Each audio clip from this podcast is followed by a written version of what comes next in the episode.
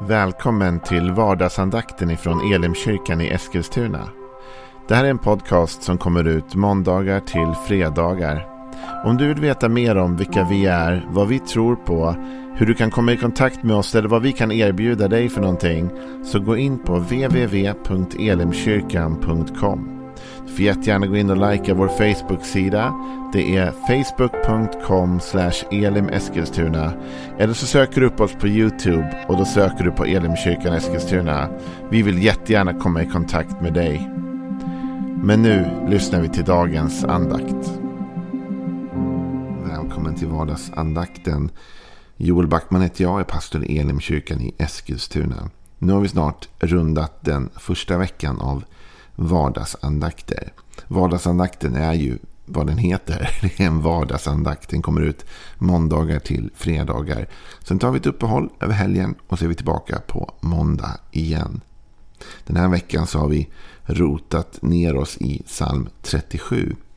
Och vi har nu kommit fram till vers 8 och 9. Det här är ju en psalm som handlar om avundsjuka och grämelse.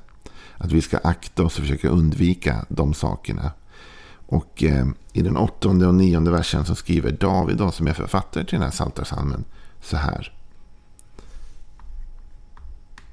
Släpp vreden och lämna ilskan. Gräm dig inte. Det för bara ont med sig. De onda ska utrotas, men de som hoppas på Herren ska ärva landet. Det här uttrycket gräm dig inte har återkommit flera gånger trots att vi bara är nio verser in i den här texten. Vi ska inte gräma oss. Och här säger David något mer. Vi ska släppa vreden och lämna ilskan. Vad är det för vrede och vad är det för ilska som David talar om här? Jo, hela den här saltarsalmen, den här kontexten, den handlar ju om avundsjuka och avundsjuka kan leda till vrede.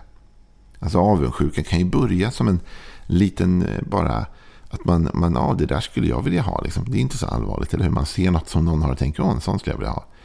Men om det får gå vidare till en grämelse över det jag inte har. Och att någon annan har det.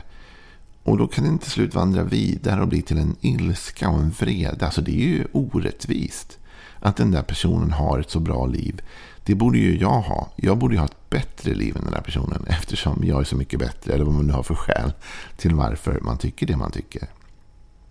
Vreden och ilskan. Men David tar en snabb analys här själv. Och förklarar för oss att det finns en anledning till att vi ska släppa vreden och ilskan och inte gräma oss. Och det är att det för bara ont med sig. Med andra ord, det är inte bra för dig själv att du går och bär på den här ilskan, på den här aggressionen, på den här grämelsen. Det gör inte ditt liv bättre. I min förberedelse av de här andakterna så har jag läst igenom lite olika bibelöversättningar. Och en av dem jag läst är The Message. Det är ju en ganska rolig översättning som på ett modernt sätt uttrycker de här sakerna. Och då säger det så här. Tygla din ilska och skrota din vrede Inget blir bättre av att du hetsar upp dig. Rätt som det är går skurkarna i konkurs. Då är det dags för dem som har satsat allt på Gud. Ingenting blir bättre av att du hetsar upp dig. Om du tänker så här i eftermiddag, vad var det egentligen som eh, de sa på den där vardagsandakten? Vad var det för vishet jag fick till mig idag? Jo, just det. Ingenting blir bättre av att jag hetsar upp mig på grund av avundsjuka eller grämelse då. Utan det är bättre att tygla ilskan och skrota vreden. Det är ju så här att du och jag, vi kan ju bli arga och ilskna av goda skäl ibland. Det finns någon sorts helig vrede kanske man kan säga. Det är ju när du och jag blir upprörda och ilskna över orättvisor vi ser i världen. Det är när vi ser att vissa människor förtrycks eller blir illa behandla, behandlade illa eller på något sätt. Va? Då kan ju du och jag bli arga. Och den vreden, den ilskan, den kan ju vara av godo. Därför att den kan leda till en förvandlingsprocess, eller hur? Jag ser att vissa människor blir behandlade på ett felaktigt sätt och jag blir upprörd över det och jag tänker jag måste take action. Jag måste göra någonting här. Men det här är inte den typen av vrede. För det David talar om här, det är ju en vrede och en ilska som kommer ur avundsjukan. Eller hur? Alltså avundsjuka kan ju börja väldigt litet, som ett litet frö bara. Jag ser någon som har något som jag tänker, ja, ah, en sån där skulle jag vilja ha. Och det är inte mer med det. Men sen kan det ju bli att man börjar gräma sig och tänka, varför har inte jag en sån här pryl? Och så börjar jag titta på personen som har det och så tänker jag, varför har den personen det? Varför har den personen ett så lyckligt äktenskap? Varför har den personen ett så fint hus? Varför har den personen det så bra på jobbet och med vänner och allt vad det är? Och så börjar jag gräma mig och så till slut kanske jag blir arg. Och så tänker jag att det här är orättvist. För jag borde ha det där istället. Det är jag som borde ha alla de där grejerna. Och den där jeppen har det nu. Liksom. Och då blir jag arg och så blir jag upprörd. Den typen av vrede och ilska för ingenting gott med sig. Den typen av, av vrede och ilska kommer leda oss till en massa dumma beslut. Har du någon gång blivit riktigt arg? Du kan ju räcka upp handen om du vill för det är ingen som ser det i alla fall. I alla fall inte jag. Eftersom det här är en podd. Men alltså har du blivit så arg någon gång att du har gjort någonting som du inte borde göra. Eller sagt någonting som du inte borde sagt. Du vet, du känner det på en gång. Ah, jag gick för långt. Jag var upprörd. Jag var arg. Jag borde inte ha gjort det där. Det är det som händer när du och jag går med vrede och ilska inom oss. Att det kokar. Vi använder ju ett sånt uttryck, eller hur? Jag är så arg så jag kokar. Och det innebär att till slut kommer det koka över. Va? Till slut kommer det bara explodera någonting här.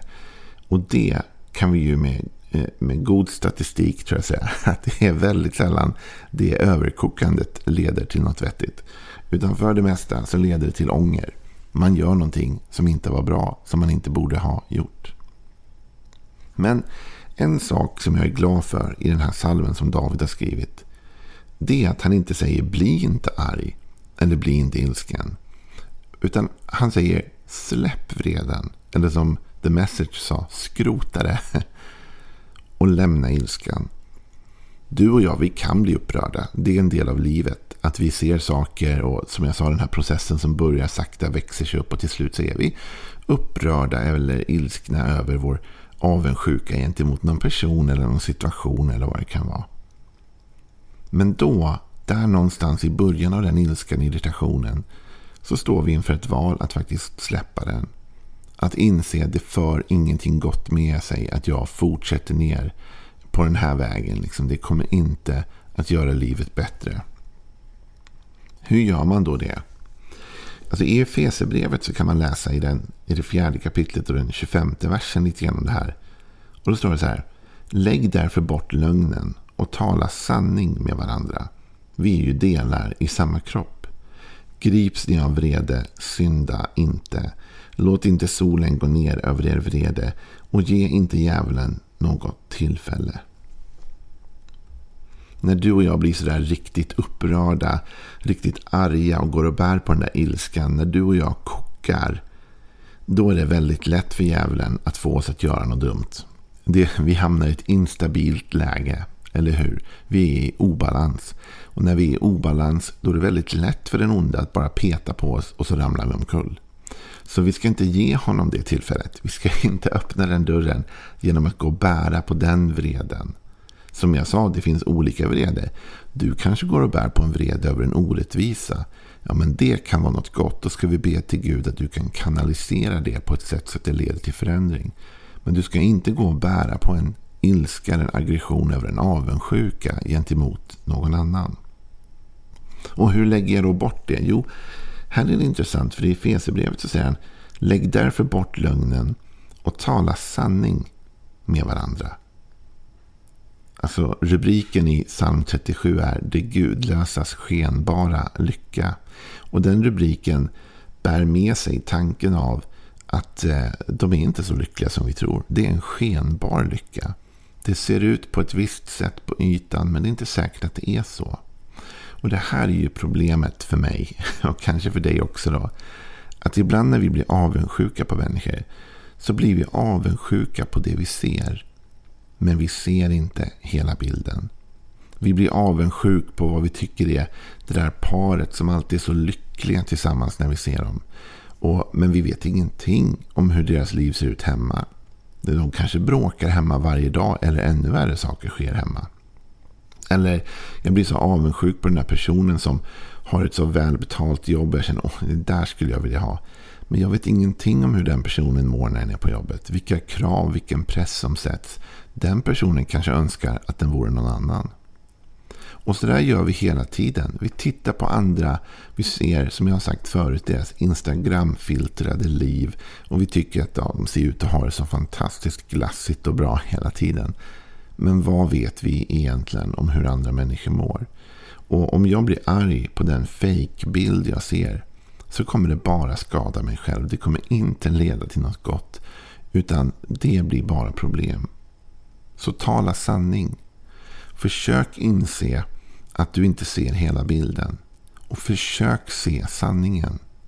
Och ju mer vi ser sanningen, ju mer tror jag vi slutar vara avundsjuka på varandra. Och så inser vi, okej, okay, det var inte riktigt som jag hade tänkt eller trott. Jag har det ganska bra själv faktiskt och jag ska vara tacksam för det jag har.